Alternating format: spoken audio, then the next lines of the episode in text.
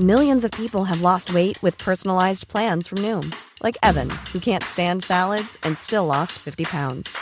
Salads, generally, for most people, are the easy button, right? For me, that wasn't an option. I never really was a salad guy. That's just not who I am. But Noom worked for me. Get your personalized plan today at Noom.com. Real Noom user compensated to provide their story. In four weeks, the typical Noom user can expect to lose one to two pounds per week. Individual results may vary.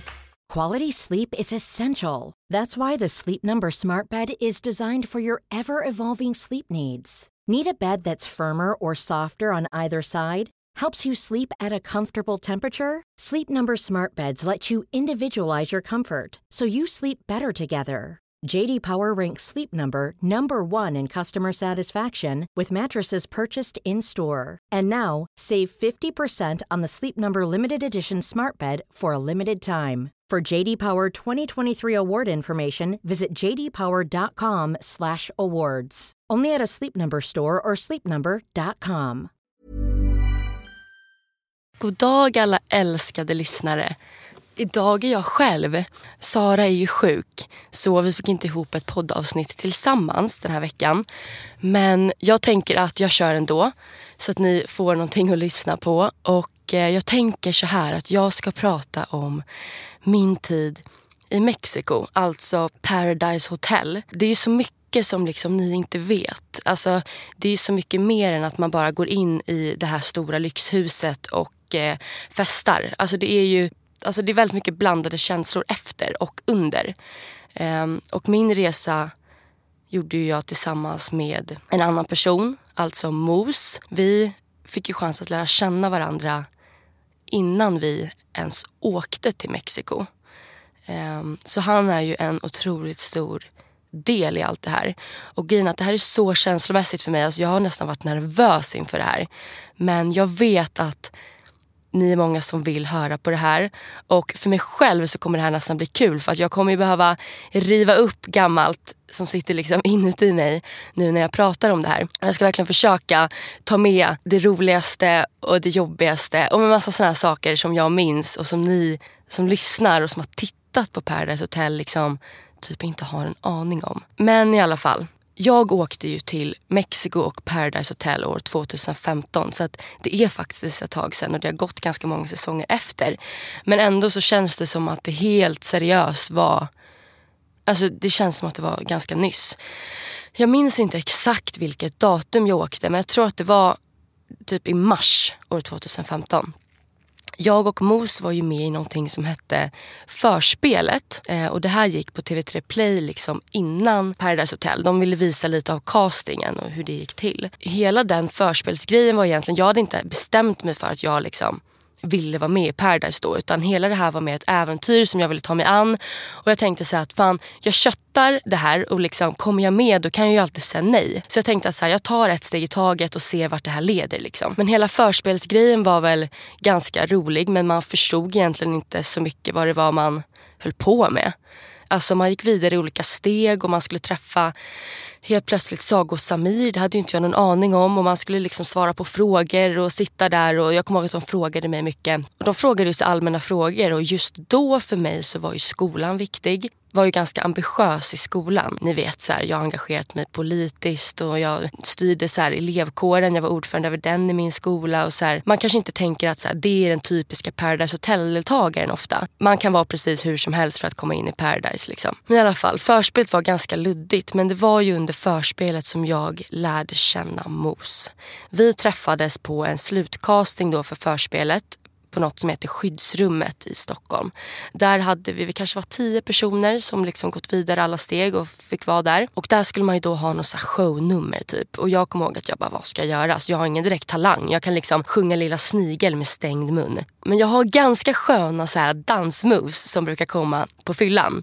Så de körde jag. Jag bara smattrade igång ashög musik och bara körde loss. Jag tror liksom att ni kan titta på det här. Jag tror att det här går att hitta om man söker förspelet 2015 på ja, Google. Men det verkades ju uppskattas. Eh, jag kommer inte ihåg vad Mos gjorde riktigt. Han skulle väl trixa med någon fotboll där och ja, men vi fick sitta i någon så lögndetektor.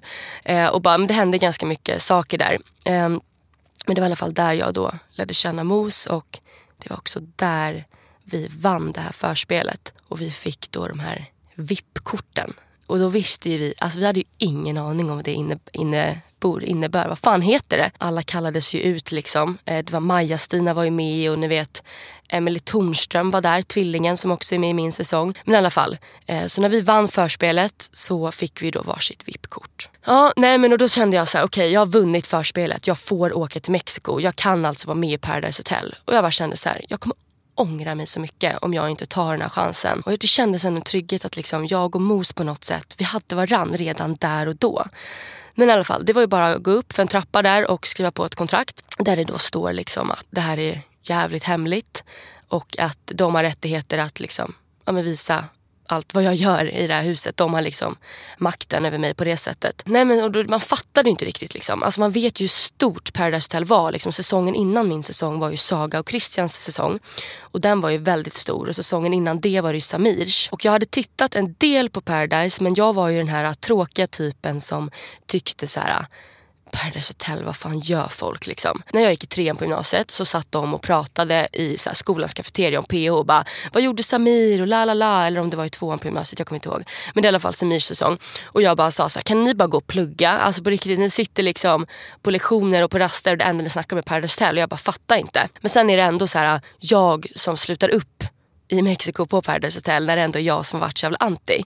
Men det är för att så här, under tiden jag liksom kom in lite i det här spåret med Paradise Hotel, fick prata med folk i redaktionen och titta på programmet. Då kände jag bara såhär, men vad fan, allt blir vad man gör det till. Alltså, jag tror så att om man går med i Paradise Hotel och misslyckas med livet som många tänker att man gör. Då kommer man misslyckas lika mycket med livet om man inte hade varit med i Paradise Hotel. Alltså allt blir verkligen vad du gör det till. Alltså, liksom, jag har nästan svårt att fatta varför det skulle sätta hinder i ditt liv. Går du in och är dum i huvudet och en dålig människa, du beter dig riktigt illa. Då kanske du är så utanför Paradise Hotel också. Problemet är väl, jag och hela svenska folket ser dig och där kan det bli jobbigt liksom. Men det där speglar ju också hur vem man är. Därför tror jag på att så här, vet man vem man är, gör sin grej och gör det jävligt bra så kan det också bli bra. Paradise Hotel har ju inte på något sätt satt något hinder för mig. Inte alls.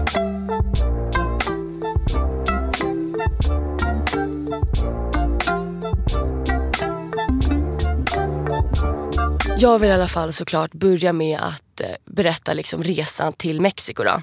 Eh, min klocka ringer typ fyra på morgonen mars 2015. Jag minns inte datumet men jag minns att jag vaknar upp. Mamma är med mig i den här processen. Hon visste ju att jag skulle åka. Jag packar min väska. Eller ja, jag hade såklart redan packat den. Jag hade ju hållit på så sjukt mycket med outfits. Alltså jag och Mos hade ju suttit och skickat kläder till varandra. Jag minns hur han så här, innan vi skulle åka skickade bild på några kepsar. Bara, var den här snygg? Kan jag ha den? Och liksom, det var ganska skönt att ha honom i det här. Um, det är en tidig morgon, vi åker till Arlanda eh, där jag och Mos då möts. Och eh, ja, men vi checkar in, vi möter någon ansvarig där som tar hand om oss men hela resan gör vi ju själva. Ja, nej, men vi hoppar på liksom ett flygplan, sätter oss på planet och det är väl ganska nice. Liksom. Det är inte så lång flygresa. Eller jo, det kanske det är förresten. Det måste ju varit en jävligt lång flygresa.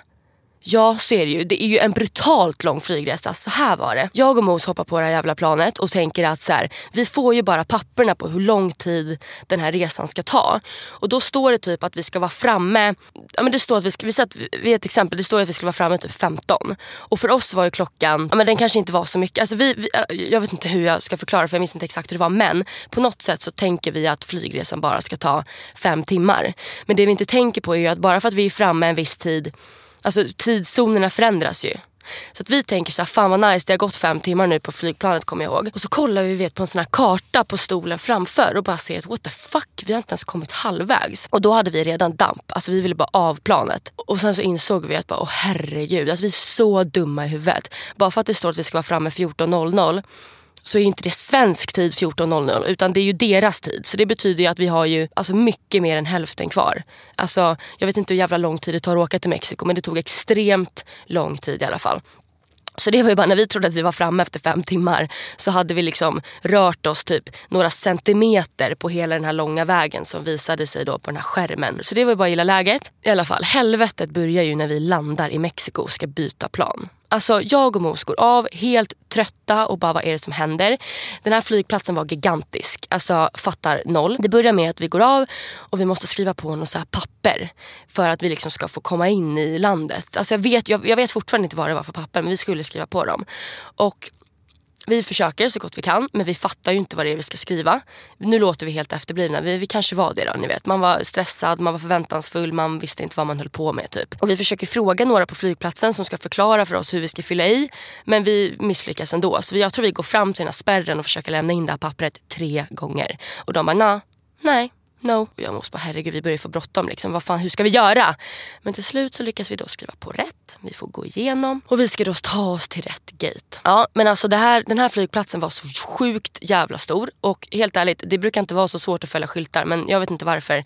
Det, det gick bara inte. Och varför det inte gick var för att när vi kommer till eh, liksom själva flygplatsen där man ska på allting. Så, så är det så att man måste ta tåg för att komma till rätt gates. Men vi börjar med att gå till alltså fel gate och tror att det är rätt gate. Tills liksom någon klocka slår liksom att varför händer ingenting på den här gaten? Vi måste ju vara fel. Så vi frågar någon eh, snubbe som kommer gåendes och jobbar där och bara så här, visar våra biljetter och bara where the fuck should we go? Liksom, vart ska vi ta vägen? Och han bara oh. Han påstår att vi nog kommer missa vårt plan för att så här, det tar kanske 20-30 minuter att ta sig till den gaten just för att det är, det är något så här tåg man ska ta. Eh, och vi bara, herregud. Så vi lubbar ju för våra liv för att komma till den här gaten. Och typ, jag har verkligen för mig att det var något så skumt tåg man tog. Alltså det var någonting konstigt. Alltså minnet här är skevt för att liksom pulsen gick på högvarv och vi trodde att vi skulle missa planet. Liksom. Men det gör vi inte utan vi kommer till slut fram till gaten.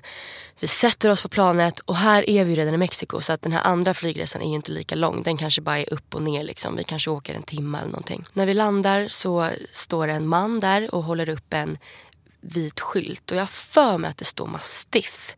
Eller om det stod typ Josefin och Robin eller vad det nu stod. Mastiff står ju för Eh, alltså Mastiff är de som producerar Paradise Hotel då. Ja, så vi sätter oss i hans bil. Det var någon sån här, ni vet, så här, typ, ja men en rostig gammal bil typ. Eh, vi sätter oss i baksätet, jag och Mos. Och alltså, vid det här laget, vi känner ju varandra men typ ändå inte. Alltså, vi har ju ingen aning om varandras liv. Det enda vi liksom har det är varandras trygghet i det här sjukt stora äventyret som vi ska hoppa på. Så att vi får ju liksom en väldigt eh, stark relation på ett ganska märkligt sätt. Vi vet ingenting om varandra men ändå är typ han var typ det viktigaste jag hade på något sätt just där och då. För att man var så långt borta från verkligheten. Och ja, men Han var verkligen min trygghet och jag tror att i allt det här så var jag nog en väldigt stor trygghet för honom också. Jag minns i alla fall att vi åkte jätte jättelänge i den här bilen och jag kommer ihåg att Mos liksom låg på mig nästan. Alltså vi låg och sov på varandra i baksätet medan det bara guppa och guppa. Jag kommer ihåg att vi bara hopp. Alltså man hoppade liksom för att han körde på några grusvägar och det kändes typ som att han körde mitt i djungeln på rötter och bara på allt. Eh, och det var mitt i natten, det var mörkt ute, vi hade liksom ingen aning om vart vi skulle. Det enda vi visste var ju att vi skulle till ett hotell och där skulle någon liksom från Sverige ansvarig över Paradise Hotel möta upp oss. Vi kommer i alla fall fram då efter mycket om och men och träffar då Sandra heter hon. Hon tar emot oss och vi får nycklar till hotellet och vi går in då, liksom får varsin nyckel och vi fick två hotellrum, alltså ett var. Men jag har helt förträngt nästan att vi hade två hotellrum för jag och Mos valde ju att spendera alla nätter ihop. Så att vi hängde liksom typ bara på mitt rum. Jag för mig också att det var något jävla fel på Mos rum. Alltså det var ju inte världens mest glamorösa hotell liksom. Det var ju verkligen så här, ja men inte så hög standard. Men ja, vi kom ju varandra väldigt, väldigt nära. Vi bodde i alla fall på det här hotellet och jag tror vi bodde på det här hotellet i fem dagar själva. Sandra kom och hälsade på oss någon gång ibland liksom. Och i början fick vi ha telefoner så att då gick vi runt och snapchattade och vi liksom eh, bada, sola, snacka om livet. Mose öppnade ju upp sig då om hans eh, mamma som har gått bort. Så vi kom ju varandra väldigt nära under den här tiden. Eh, även liksom, alltså vi kom ju väldigt intimt nära varandra också så att säga. Um, och jag kommer ihåg verkligen att så här, jag tyckte att det var så jävla jobbigt att läsa av Mos. Alltså, jag hade liksom gått ut från ett förhållande hyfsat nyligen och blivit väldigt sårad. Uh, jag har verkligen dåliga erfarenheter av killar i relationer när jag åker till Mexiko och känner bara så att det sista jag ska göra när jag kommer in i det här Paradise Hotel är att falla för någon jävla idiot och typ åka ut på grund av det och bli fuckad. Mos verkar ju vara så en underbar kille. Men jag, jag kände bara så att jag kan inte släppa in några känslor. Alltså jag kan inte låta Mos liksom komma innanför mig på något sätt. Och jag lyckades ganska bra med det här. I vanliga fall så kan jag vara ganska liksom, svår att här, kontrollera mina känslor så. Men jag hade nog redan innan jag åkte verkligen bestämt mig för att jag trycker av så många känslomässiga knappar jag kan för att klara av det här. För att jag fattar att det kommer vara psykiskt påfrestande med folk som sviker en, hugger en i ryggen, man tror att man kan lita på folk när man inte kan det. Och där tror jag också att det blev jävligt tufft mellan mig och Mos. Eh, för att han fick känslor för mig vad, alltså, vad jag liksom vet alltså just då, ganska tidigt. Och sen kan det vara känslor också, ni vet, man är utomlands, livet leker. Man, man, man, man bygger upp starka känslor som kanske egentligen inte är så starka. Fattar ni? Men i alla fall, och där blev det ju tufft liksom. För att jag tror att så här, jag fick ju känslor för Mos, alltså riktiga känslor för honom efter, när vi kom hem från Mexiko. Liksom. För att då hann allt landa och jag liksom släppte på spärrar. Men där kunde ju inte Mos, alltså Mos känslor riktigt besvara mig. Så att allt det där blev ju bara så jävla ja, men, kaos typ. Men i alla fall. Eh, det hände ju ganska mycket innan vi gick in i huset. Alltså, dels så ramlar Mos i en jävla trappa på hotellet så han måste åka och gipsa sin arm. När han har gipsat sin arm så sätter vi oss ganska nära sjukhuset och käkar en middag. Mitt ute i ingenstans, alltså vi är väldigt långt från hotellet nu. Eh, vår ansvariga var ju med oss och vi ja, åkte bil jättelänge då för att gipsa hans arm på det här sjukhuset som låg som sagt mitt ute i ingenstans. Det här kanske var tre dagar innan vi skulle gå in i själva Paradise Hotel. Jag är ju som ni vet väldigt, väldigt nötallergisk. Eh, jag får anafylaktiska chocker kallas det för när, man då, när jag får i mig nötter och det innebär att blodet stannar och hjärtat kan sluta slå om det går för lång tid utan medicin. Jag behöver alltså adrenalinsprutor för att mitt blod ska fortsätta pumpa. Liksom. Eh, och dum som jag är så har inte jag med mig de här sprutorna när vi går och äter middag. Och det jag beställer in är en Swedish sandwich. Jag tänker att det är väl det renaste man kan äta. Men jag var jävligt slarvig och frå alltså jag, jag frågade inte ens här, är det nötter i. Det gör ju jag alltså, vad jag än äter idag. Jag läser ju innehållsförteckningen på allt liksom. För att den här liksom, situationen satte sina spår i mig. Men i alla fall, jag hinner ta en tugga. Sen reser jag mig upp och bara det är nötter, det är nötter och får sån panik. Min hals svullnar ju igen direkt och jag minns hur Sandra, våran liksom deltagaransvarig då, hon som hade hand om mig och Mos, hon bara tar tag i mig och bara hjälper mig och föser mig nästan liksom från bordet och det är ju här jag har sån änglavakt att sjukhuset ligger ju liksom 30 meter ifrån för att vi hade gipsat Mos arm. Hade vi åkt till någon annan restaurang och lämnat sjukhusområdet och åkt ut till liksom någon annanstans så tror jag inte att jag hade överlevt för att det går ju så himla fort. Ni som är riktigt allergiska vet ju hur allvarligt det är. Alltså jag fick ju ingen luft. Så jag kom ju in där på sjukhuset eh, och de förstår ju allvaret liksom. Jag säger bara I need my medicine, I need my medicine. Och det roliga här är att Oliver Strige sitter på ett annat hotell och är med en annan deltagaransvarig. De är ute och firar Olivers födelsedag när Oliver Striges deltagaransvarig då får ett telefonlarm och bara ni måste åka till eh, en deltagares hotell och hämta hennes medicin för att hon har fått i sig nötter. Och Oliver är ju också väldigt nötallergisk så han fattar ju också allvaret och bara shit liksom.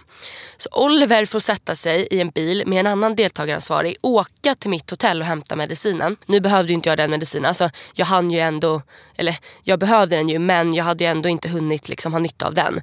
Men i alla fall, det var också bara så sjukt liksom att, ja, det var bara en side story att Oliver fick ge sig ut på det uppdraget. Då visste ju inte Oliver att det var jag såklart. Men i alla fall, jag kommer in på sjukhuset. Mos fattar ju ingenting. De tar in mig liksom på akut och fattar ju allvaret. Eh, min puls är ju inte bra vid det här laget. Jag minns att jag bara ligger och tittar på den här, eh, men ni vet det är ju en sån här apparat och så kan man se så här, dyt, dyt, hur liksom ens puls går eller vad fan det är man mäter. Och jag minns att så här, den typ blir sämre och sämre. Och jag kommer ihåg att den börjar pipa och jag kommer ihåg att producenten för Paradise Hotel bara kommer in och håller min hand och liksom alla har ju lite panik. Det är så här, om en deltagare dör, liksom, vad gör man då? Kan man fortsätta säsongen eller inte? Liksom? Och jag minns att jag spyr som ett djur och Mos sitter bredvid och håller min spyhink och jag minns hur han säger bara fan vad du luktar äckligt i munnen. Och jag bara, men alltså fuck off. Jag, alltså det var nästan så ironiskt för att där ligger jag och mår så dåligt och bara Nej men alltså min kropp vill ju bara lägga av. Och jag bara spyr och spyr samtidigt som jag bara ja, men mår så dåligt och helt tror ju att jag, jag tror att jag ska dö. Eh, men Mos vill ju på något sätt du vet, hålla mitt humör uppe. Han var ju också rädd men han håller min hand och bara fan vad äckligt du luktar. Och på något sätt var ju det verkligen någon, så här, det var någon positiv energi i allt det där. Istället för att han bara det kommer gå bra, lugn, fin. Och, mm, så liksom slängde han ur sig den där jävla kommentaren och på något sätt fick mig bara det att bli liksom men jag vet inte, det fick bara mig att bli lite starkare på något sätt. Men jag får ju ganska snabbt medicin. Eh, utav sjukhuset och jag blir ganska snabbt bättre men det är ju väldigt starka mediciner så jag däckar ju ganska stenhårt.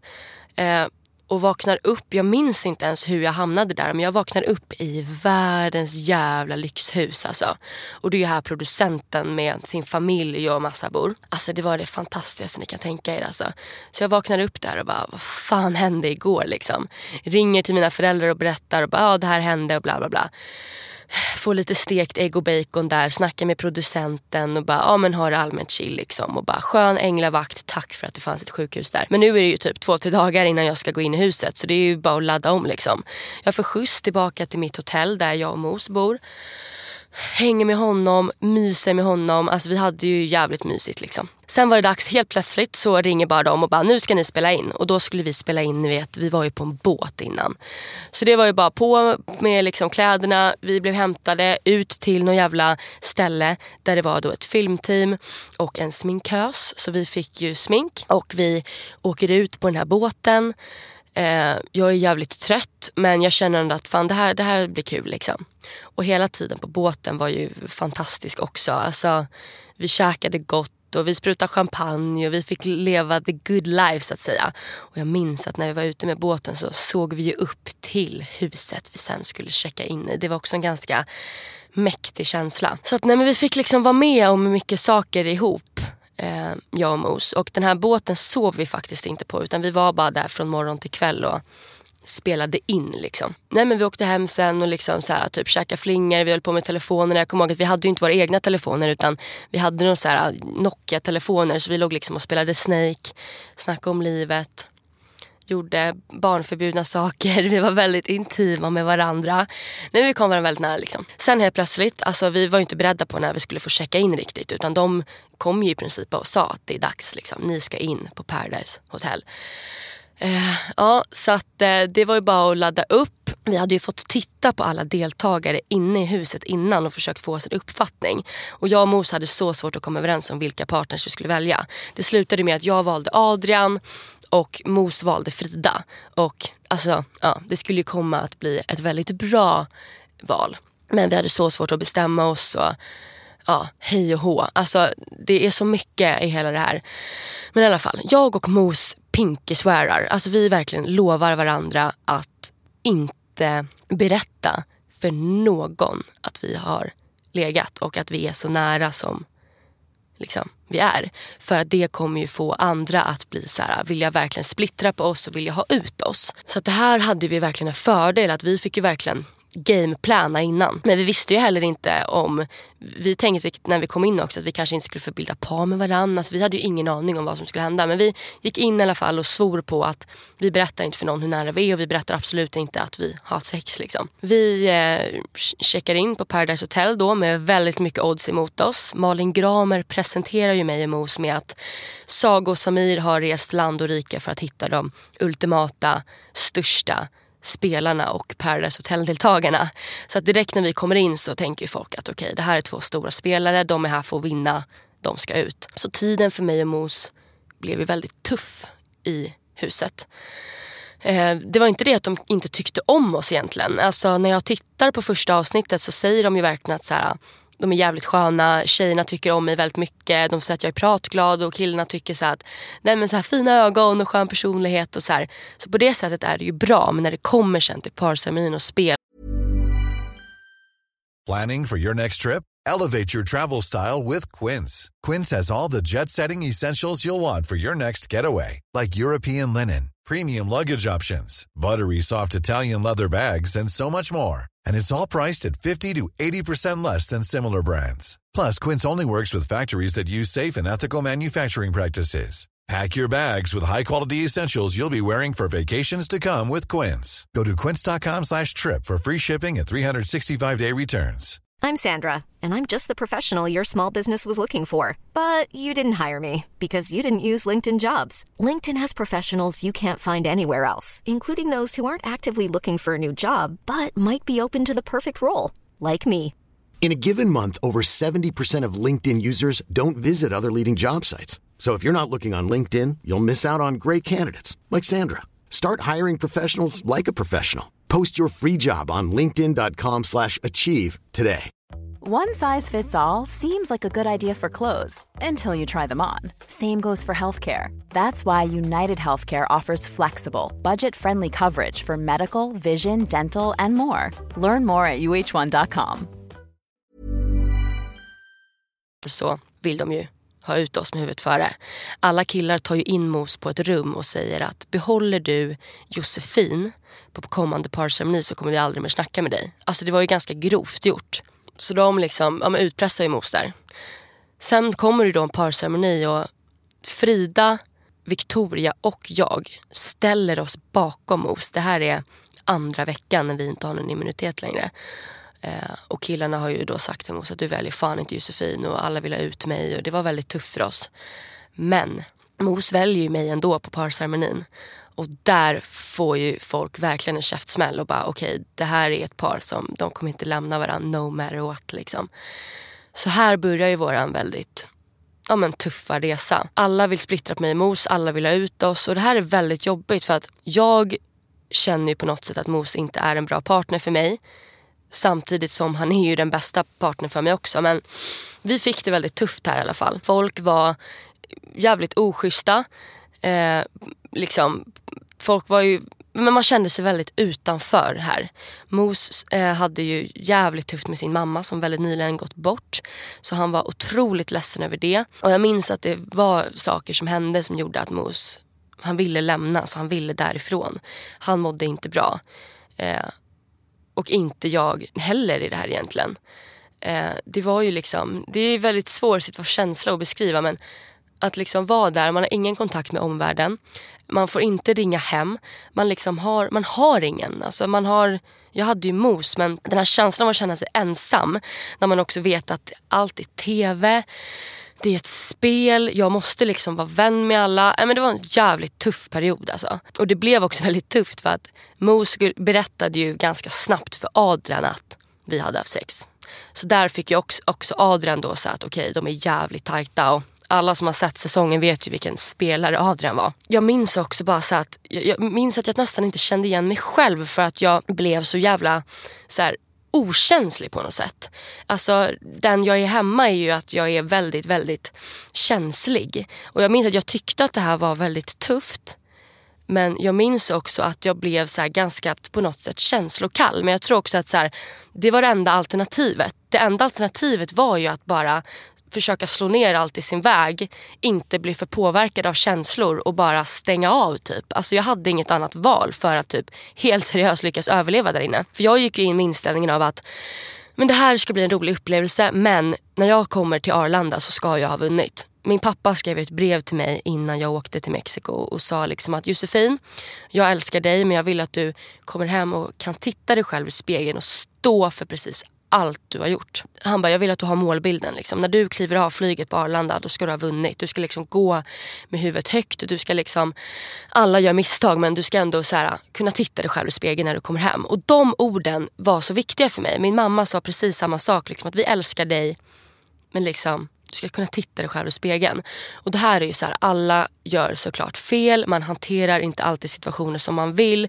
Men liksom de grundpelarna var jävligt bra för mig att ha i allt det här. Så att ja, tiden går ju och det blir ju bara bättre och bättre. Mos blir ju otroligt omtyckt i huset av typ allt och alla. För att folk känner väl liksom till slut att det här är inte bara en kille som har kommit in och ska spela utan det här är en stabil kille, fötterna på jorden med liksom schyssta känslor. Och Mos är ju en fin kille rakt igenom. Alltså han har ju inte en dålig cell i sin kropp. Så där började det ju vända för oss. Alltså vi blev ju snarare ganska populära i huset. Även, även jag också. Jag gick bra ihop med alla tjejer. Eh, de nya som kom in blev jag liksom, jag bandade bra med dem.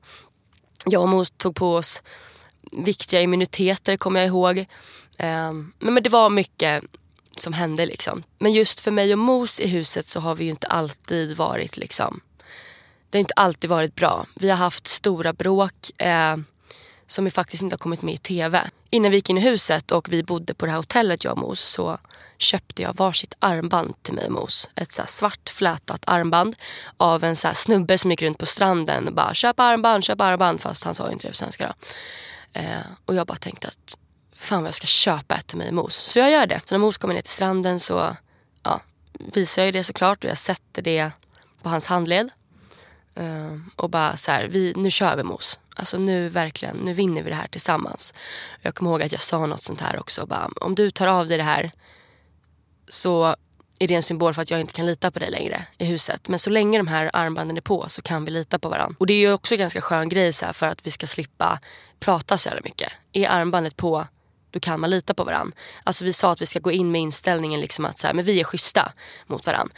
Men även fast man satte på de armbanden, även fast vi kom varandra så nära så kunde man ju inte lita på varandra 100%. Jag minns innan den här parceremonin när vi var tre tjejer bakom oss, ni vet när alla killar sa att han inte skulle välja mig. Så frågade jag ju Mos tusen miljarder gånger, bara, kommer du välja mig? Och han bara, ja jag kommer välja dig. Men jag visste ju också att det är Paradise Hotel, folk är svin, man kan inte lita på någon. Så jag var ju skitnervös.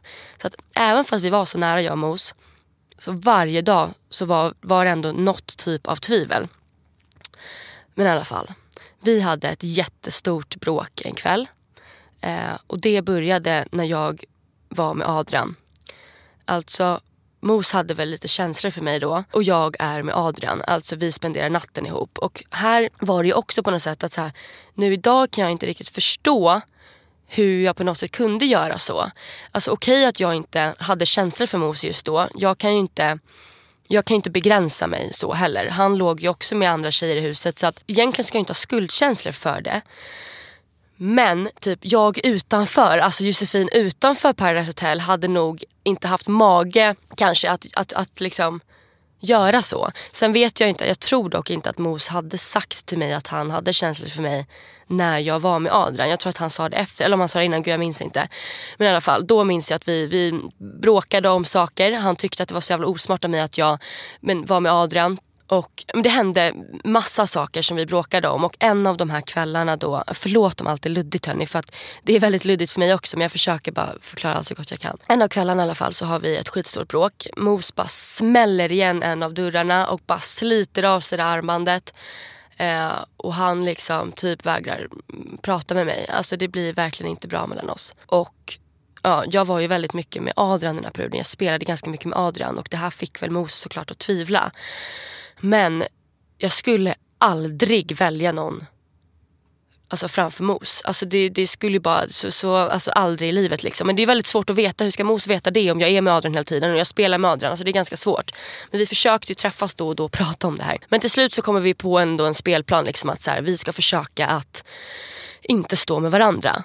Så jag började stå med Oliver och Mos började stå med Jennifer. Eh, här var ju vi fyra, en jävligt stark fyra. Liksom. Jag trivdes ju bra med Oliver och Mos trivdes bra med Jennifer. Men här är det ganska taktiskt att göra så på grund av att kommer in en ny person och liksom typ tar min partner eller sätter, liksom splittrar på oss eller någonting så, så har jag ju alltid Mos som backup. Men jag och Mos lyckas ju verkligen hålla varandra hårt genom hela det här spelet. Vi bråkar och eh, vi är med andra och vi tvivlar på varann. Men någonstans när det väl gäller, varje gång det väl gäller så är vi där för varann. Ingenting kan liksom stoppa oss. Och vi lyckades ju ändå lura folk ett tag för att Mos åkte ju ut typ under en dag i början. Och då var det Pandoras ask och folk frågade mig så här, Josefin om Mos kom tillbaka, skulle du välja honom då? Och då säger jag helt ärligt nej. Han är liksom, det är för riskabelt att stå med honom och eh, jag vill liksom satsa på en ny partner. Men alltså hallå, kommer Mos in igen så är det klart som fan att jag inte skulle spela med någon annan.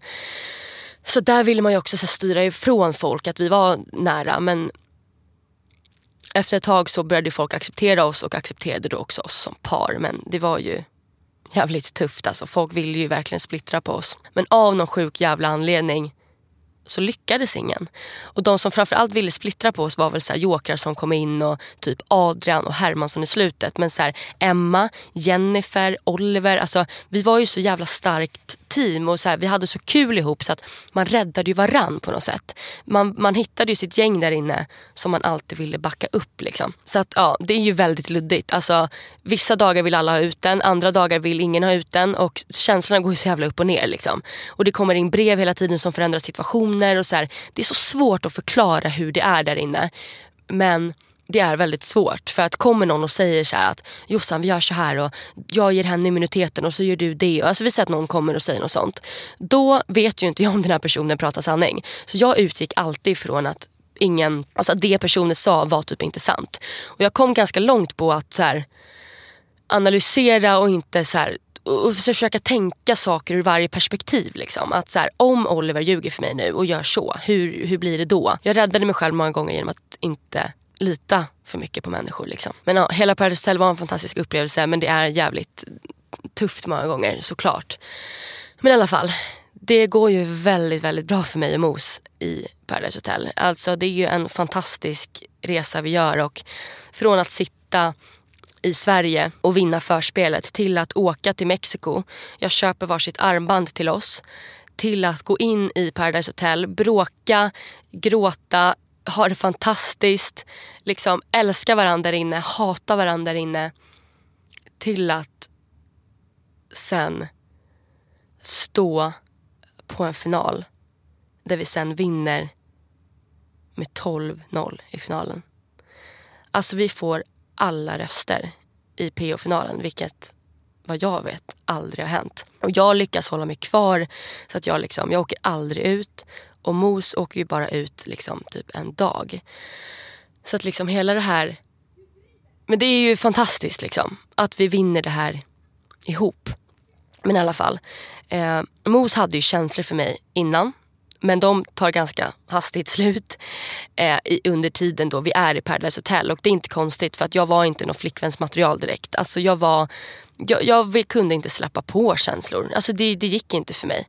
Jag, jag kunde inte besvara känslor för honom i huset. Däremot så visste jag ju bara att så här, jag kommer aldrig lämna honom här inne. Liksom. Jag minns också hur tufft det var på parceremonin när Mose och Oliver stod bakom mig. Alltså jag grät som en jävla sparv för att jag hade ju kommit så nära Oliver också. Och att splittra på de två var ju också så jävla hemskt. Och så här, som tittare kan man ju tänka så här, men ni ses ju sen.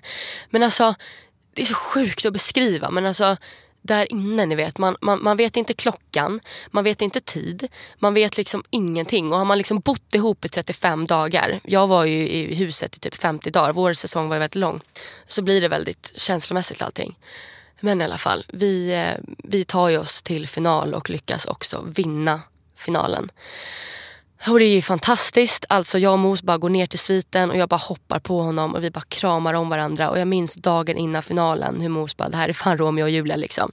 Det är sån jävla fin typ kärlekssaga på något sätt. Att vi lyckas hålla ihop så jävla hårt. Alltså ingenting kommer ju mellan oss under den här resan. Oavsett hur mycket vi bråkar och oavsett hur mycket vi typ inte litar på varandra så finns vi ju alltid där för varandra. Liksom. Men i alla fall, sen så är det ju det här med kul kastningen då. Och i början så sitter jag och Mos faktiskt och tänker så här, bara, men fan, ska någon av oss släppa kulan så att det blir bra tv liksom? Och så får någon bara swisha över pengarna sen. Eller föra över pengarna liksom. Det var liksom en tanke. Men sen var vi ändå så här, ingen av oss ville typ göra det för att man vill inte framstå som något svin. Och det kändes bara hemskt att kasta kulan liksom. Men jag hade ju på något sätt så här, innan jag åkte till Mexiko tänkt så här, alltså släppa kulan är ju en jävligt sjuk grej att göra. Men man vill inte kasta kulan mot någon som liksom man ändå vunnit det tillsammans med. Alltså hade jag stått i final mot typ någon annan. Vi säger typ någon som jag inte kände så bra, någon jag inte litar på. Då kanske man väljer att kasta kulan ni vet för att liksom Ja men för att så här, vad ska man säga? För att man är rädd att bli fuckad själv så vill man kanske fucka. Men jag kommer ihåg redaktionen frågade mig också, bara, kommer du kasta kulan? Och jag bara, alltså, jag vet inte. Men innerst inne så visste jag ju att jag inte skulle kasta den. Alltså vadå? Från att aldrig ha svikit mos där inne till att sen helt plötsligt bara kasta kulan och bara fuck you. Alltså nej. Vi har hållit ihop så jävla länge liksom så att det fanns faktiskt inte på kartan. Helt ärligt. Vi eh, har då kulceremoni och båda håller ju kulan och även där, alltså vilket jävla team. Efter vi checkat ut och vunnit allting så bor alla vi deltagare på ett annat hotell. Eh, för att vi kunde liksom inte skjutsas hem direkt utan vi bodde på ett annat hotell och där fortsatte vi faktiskt att supa. Så jag hade nu krökat och varit full varje dag i typ 50 dagar och fortsätter vara full på det här andra hotellet där vi då får tillbaka telefonerna. Alla fick tillbaka sin telefon förutom min för den hade tydligen försvunnit. Asjobbigt men i alla fall vi fick tillbaka våra telefoner och vi fick liksom umgås off cam äntligen. Eh, och där då men hängde vi och bara surrade och liksom så här, man försökte smälta allt. Och jag kunde äntligen höra av mig till mina vänner.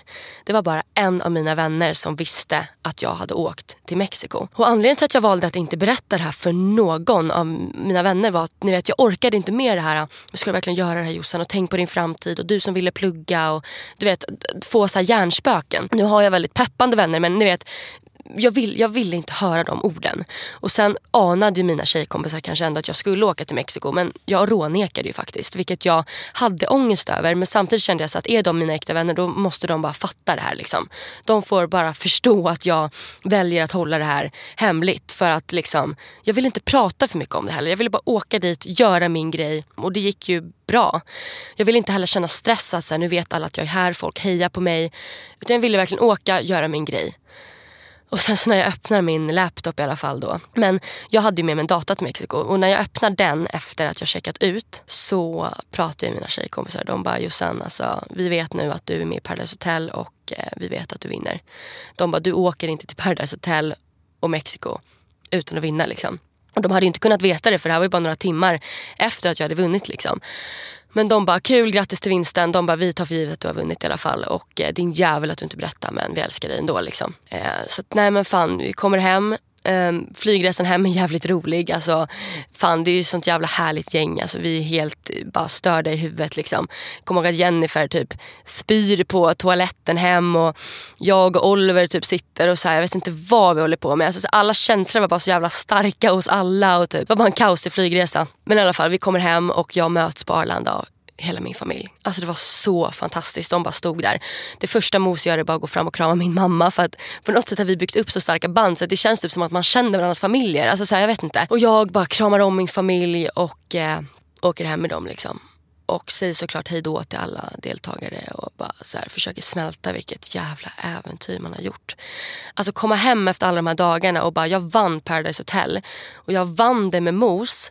Och liksom jag sitter här nu medans jag poddar och berättar allt det här och har kvar armbandet jag köpte på stranden i Mexiko.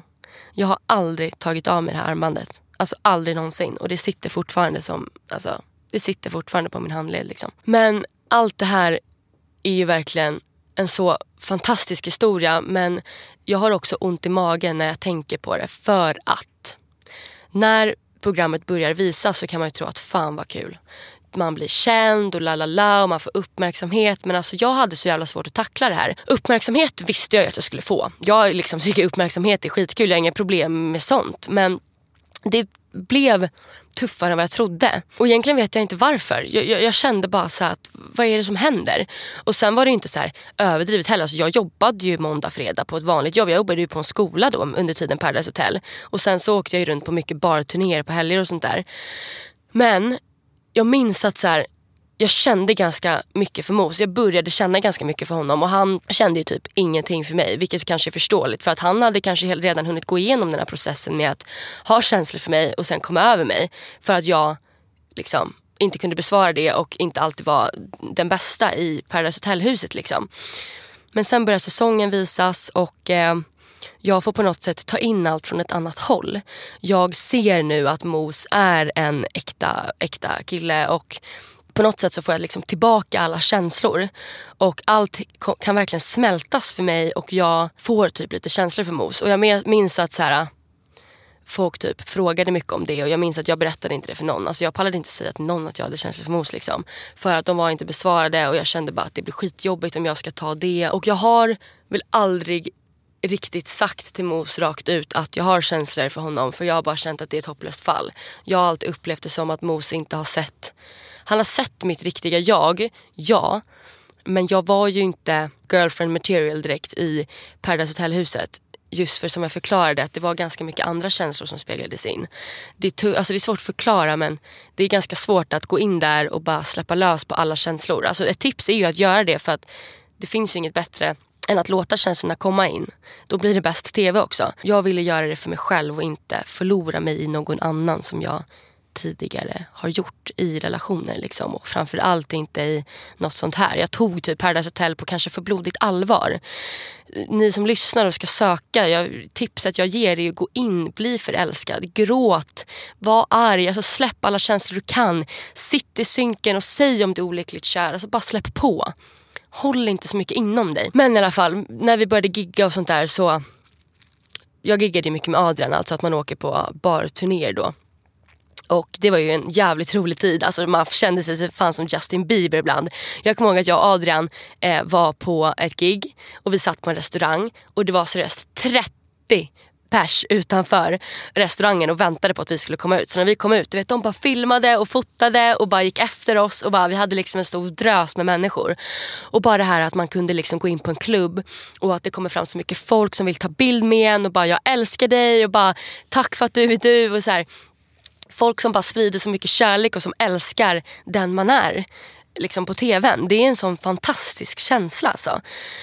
Um, men det är helt, helt sjuk känsla verkligen. Men jag minns liksom på något sätt att det jobbiga i det här var typ ändå mos. För att det kändes liksom som att, jaha men nu då? Alltså har vi gått ihop, alltså har vi gått igenom allt det här? Klarat allt det här och sen nu då liksom? Ska det bara vara så?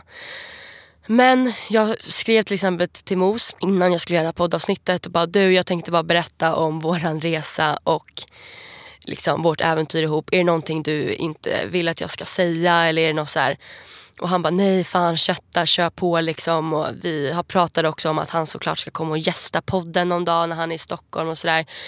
Så någonstans så känns det ändå som att så här, vi kommer alltid ha en specie ett speciellt band för varandra. Vi kommer alltid ha en speciell relation. Så känner i alla fall jag. Vi hade ju olika känslor liksom. Och nu har ju det landat för mig såklart. Och eh, jag och Mos pratar ju ibland. Jag önskar såklart att det var mer. Men jag känner ändå så här, ett speciellt starkt band för honom. Och jag tror att jag alltid allt kommer att göra det för att han var en sån stor del av mig i det mest, alltså mitt största äventyr i mitt liv. Liksom.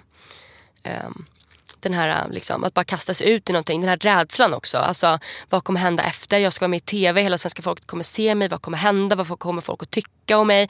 Han var liksom med från början till slut. Från att miss, hålla på att missa flyget till att liksom, han håller min spyhink när jag typ ligger på ett sjukhus och tror att jag ska dö till att vi bråkar, till att vi älskar, till att vi sen står där på finaldagen, tittar på varandra och bara vinner. Liksom. Paradise Hotel är en sjukt rolig upplevelse. Ni som hör det här eh, och tänker på, på PH liksom och bara jag vill söka, fan gör det. Alltså, allt blir vad man gör det till. Och eh, jag tror på det här att ångra hellre saker ni gjort hörni, än att ångra det ni inte gjorde. Hellre kunna titta tillbaka på grejerna och bara fan det där var dumt gjort. Men då lär ni er också det är jävligt surt att titta tillbaka. Alltså, jag kanske hade suttit här och bara fan jag skulle kunna varit med i Paradise Hotel men jag tog inte chansen. Alltså, ibland är det bättre att våga kasta sig ut. Liksom. Och som jag sa innan, liksom, att så här, var er själva. Liksom. Alltså så här, vad fan, var den bästa du kan vara bara. Men nu har jag pratat väldigt länge, det här blev ju typ en timme storytime. Och gud, alltså det här var det luddigaste jag gjort men samtidigt det skönaste jag gjort. Att bara få berätta allt för er. För det är så mycket kanske som ni liksom inte vet såklart. Herregud hörni, det är verkligen en fantastisk resa och så jävla häftigt tycker jag att jag och Mos vann det här ihop. Och ni är många som undrar varje dag nästan hur det är mellan mig och Mos idag. Och så här, det är skitbra mellan mig och Mos. Vi har kontakt ibland. Um, jag tror att vi faktiskt hade setts mer om han, alltså om vi bodde närmare varann jag bor ju i Stockholm och han bor i Göteborg. Liksom. Men för mig så har den här resan också, jag har vuxit jävligt mycket i den. Alltså, men det har heller inte varit så överdrivet. Alltså, jag har kunnat gå på gator och torg. Det är inte så att, alltså, så här, folk tror ju också att Paradise Hotel liksom förändrar ditt liv. Det gör det inte. Du måste fortfarande kriga för att liksom, åstadkomma saker jag var inte säker på att jag ville fortsätta inom tv och media och sånt när jag var med i P.O. Jag var ganska off på den fronten. Det är nu jag har tagit upp mina sociala medier för att jag bara känner att yes, I'm ready. Fan vad kul. Jag hoppas verkligen att ni känner att ni har fått höra någonting nytt och ni är ju så otroligt många som faktiskt undrar just om mig och Mos. Så att nu, nu vet ni ju lite mer helt enkelt. Eh, Mos, om du hör det här, du vet att jag älskar dig och eh, ja det har varit en fantastisk upplevelse med Paradise Hotel. Och glöm inte alla ni som lyssnar att livet är för kort för att bara inte ta de här chanserna. Men jag hoppas verkligen att ni tyckte att det var roligt att höra på det här. Tråkigt att Sara inte var här idag men då blev det som sagt en storytime istället. Tack så jättemycket för att ni har lyssnat hörni. Vi hörs igen om en vecka. Massa pussar och kramar. Hejdå!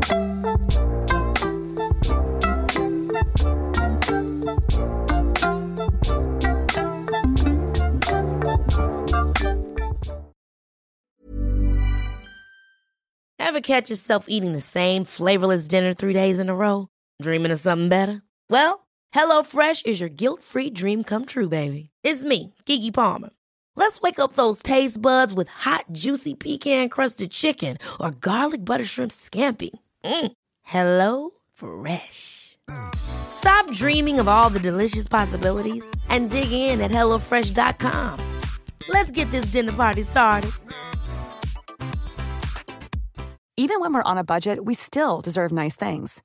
Quince is a place to scoop up stunning high-end goods for 50 to 80% less than similar brands. They have buttery soft cashmere sweaters starting at $50, luxurious Italian leather bags, and so much more. Plus, Quince only works with factories that use safe, ethical, and responsible manufacturing. Get the high-end goods you'll love without the high price tag with Quince.